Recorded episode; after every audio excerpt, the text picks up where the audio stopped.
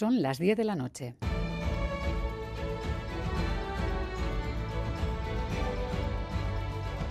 Radio Euskadi y Radio Vitoria. Servicios informativos.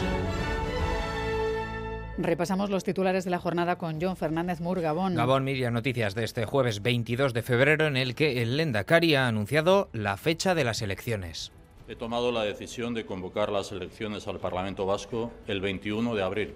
En una comparecencia tras el Consejo de Gobierno, Íñigo Urcullo ha anunciado que el martes se publicará en el Boletín Oficial el decreto de disolución del Parlamento. Urcullo ha llevado a cabo un balance de la legislatura, ha agradecido la labor de todas las personas con las que ha compartido Ejecutivo y ha asegurado haber hecho su trabajo lo mejor que ha sabido. He trabajado lo mejor que he sabido, buscando en cada decisión, en cada momento, lo que sinceramente creía mejor para nuestra sociedad. Espero haber procedido con el debido respeto. Así lo he intentado siempre. Pido perdón por mis errores y doy las gracias a Euskadi por todo lo que se me ha dado.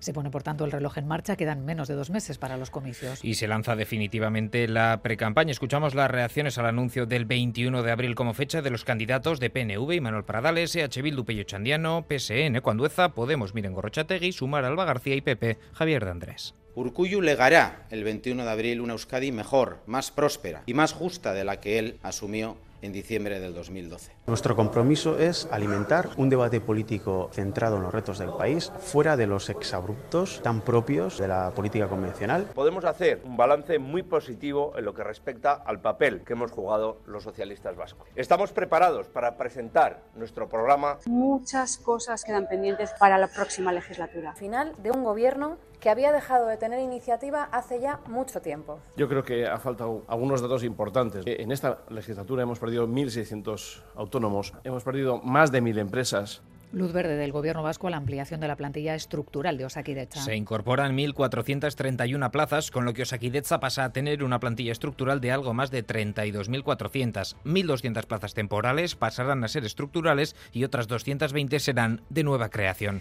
Dani Alves, condenado a cuatro años y medio de cárcel por la violación a una joven en una discoteca. La audiencia de Barcelona considera probado que el exfutbolista agredió sexualmente a la víctima y que además hubo uso de la violencia, pero le rebaja la pena por la reparación económica del daño. El abogado de la víctima, David Sáenz, se mostraba satisfecho. Estamos satisfechos porque al final es una condena que reconoce lo que hemos sabido siempre, la verdad de la víctima y el sufrimiento que ha habido. Estudian si recurrir, al igual que la Fiscalía. El que seguro sí va a recurrir es Dani Alves. El Tribunal de Justicia de la Unión Europea ha reiterado que deberían convertirse en trabajadores fijos los interinos de la Administración Pública que sufren prórrogas sucesivas de contratos. Lo considera una práctica abusiva y contraria a la directiva europea. Responde así a una prejudicial del Superior de Justicia de Madrid, que es quien tiene en realidad la última palabra. El Tribunal de Luxemburgo concluye que el Acuerdo Marco Europeo sobre el Trabajo de Duración Determinada se opone a una normativa estatal que no evita el uso abusivo de indefinidos no fijos. Dice que la indemnización de 20 días por año de extinción de contrato no vale como medida disuasoria. Javier Arauz, abogado especializado en el tema, lo considera más que un toque de atención a España significa un varapalo a lo que ha hecho, se ha hecho en España en relación con este personal en los últimos años. Acaba con las excusas que se ponían internamente para evitar estabilizar a este personal, nos abre la puerta de la solución transformando en fijos a todo este personal víctima de un abuso.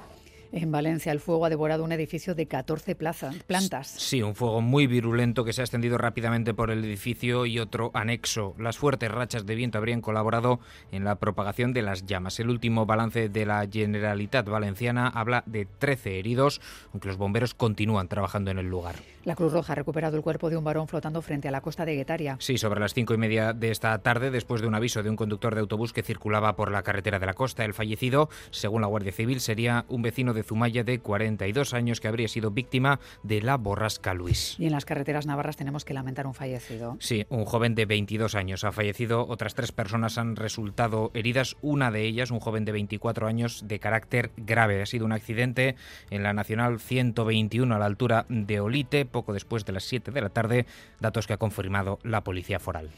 Es todo, más noticias en una hora y en todo momento en itv.eus y en la aplicación ITV Albisteac. Gero arte.